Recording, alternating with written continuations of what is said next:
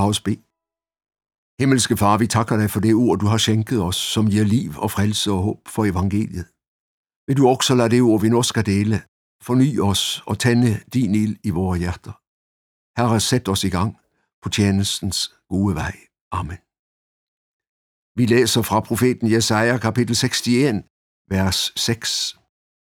Men der skal kaldes Herrens præster, tjenere for vor Gud skal der hete. Israel havde været utro mod Herren.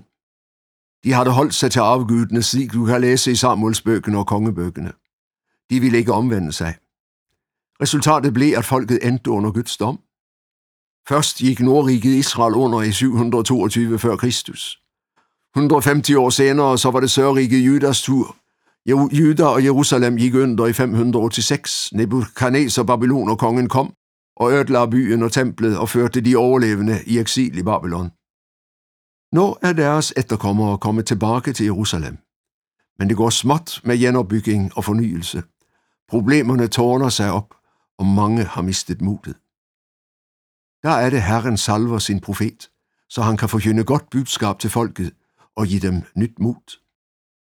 I går hørte vi, at han råbte ud et nådens år, og ved sin forkyndelse så hjalp han tilhørende sine til at tage imod glædens olie i stedet for sorg. Lovsangen strakt i stedet for modløshed.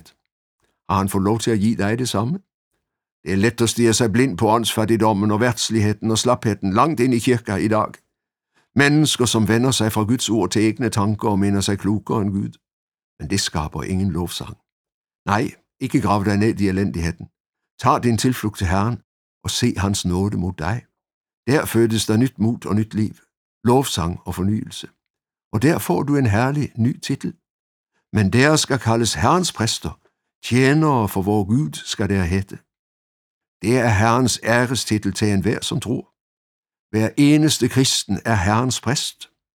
Det drejer sig ikke om embedsmænd i den norske kirke, men præster i ordets egentlige betydning. Mennesker, som færdes for Herrens ansigt, og som bærer frem offer til Herrens behag. Præstetjenesten i det gamle testamente var forbeholdt mænd af Arons et. Deres opgave var at færdes i templet og bære frem offer, slik Moseloven foreskrev.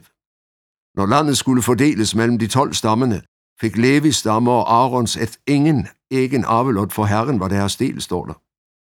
De skulle leve ved Guds bord, af det som blev bragt som offer til Herrens alter. De skulle lyse velsignelsen over folket, og de skulle på folkets vegne tage frem for Herren i lovprisning og bøn. Med Jesu fuldbragte offer på Golgata, så afvikles hele den gamle pagts gudstjeneste.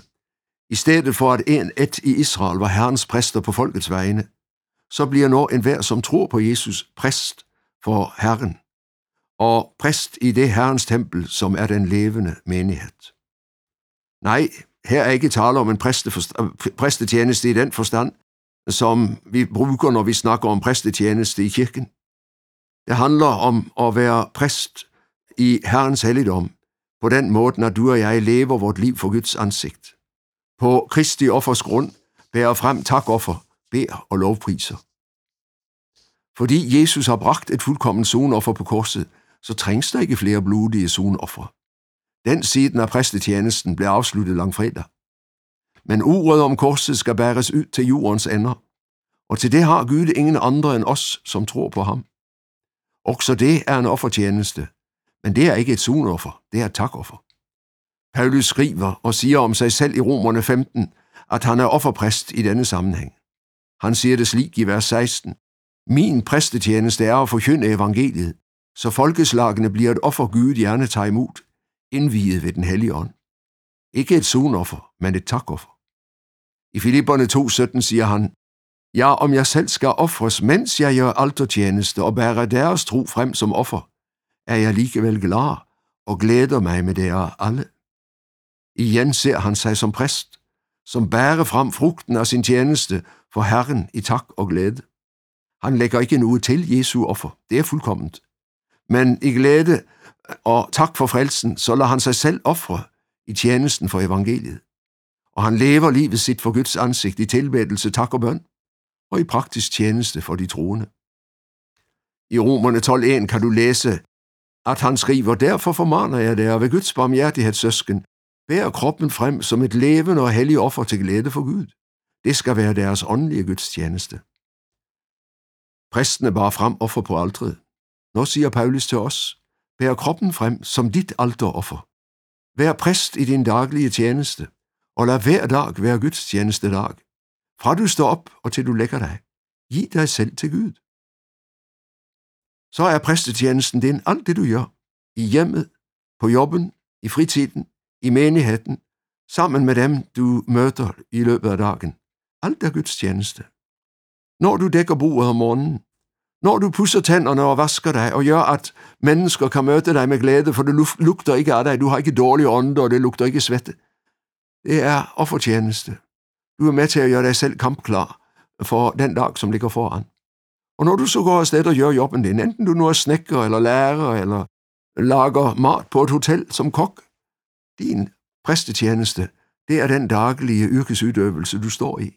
På den måten ærer du Gud. Du gør en god job, og er til velsignelse for dem, du færdes sammen med. Forynderlig. Gud lader sig tjene af dig. Han tager imod dig hvert øjeblik. Med hele livet er du i præstetjeneste. Slik bygger Herren sit rike. I 1. Peter 2.5 så skriver Peter, bliv et hellig præsteskab og bær frem åndelige offer, som Gud tager imod med glæde ved Jesus Kristus. Hørte du det? Med glæde tager imod. Og i åbenbaringen 1 skriver Johannes om Jesus, han elsker os og har frit os fra vores synder med sit blod, og har gjort os til et kongerige, til præster for Gud sin far.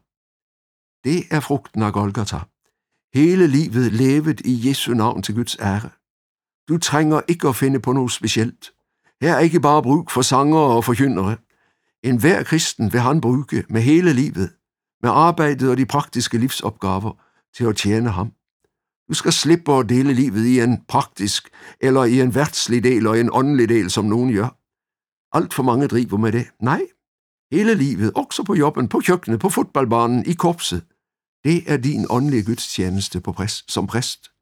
Se det og glæd dig. Og gå med frimodighed i det, Herren har lagt færdigt til dig. Lev livet i Herrens navn, og vid det, han fryder sig over din tjeneste. Amen. Over bibel var ved Kurt Hjemdal. Serien produseres av Norea Mediemisjon. Les mer om oss på norea.no.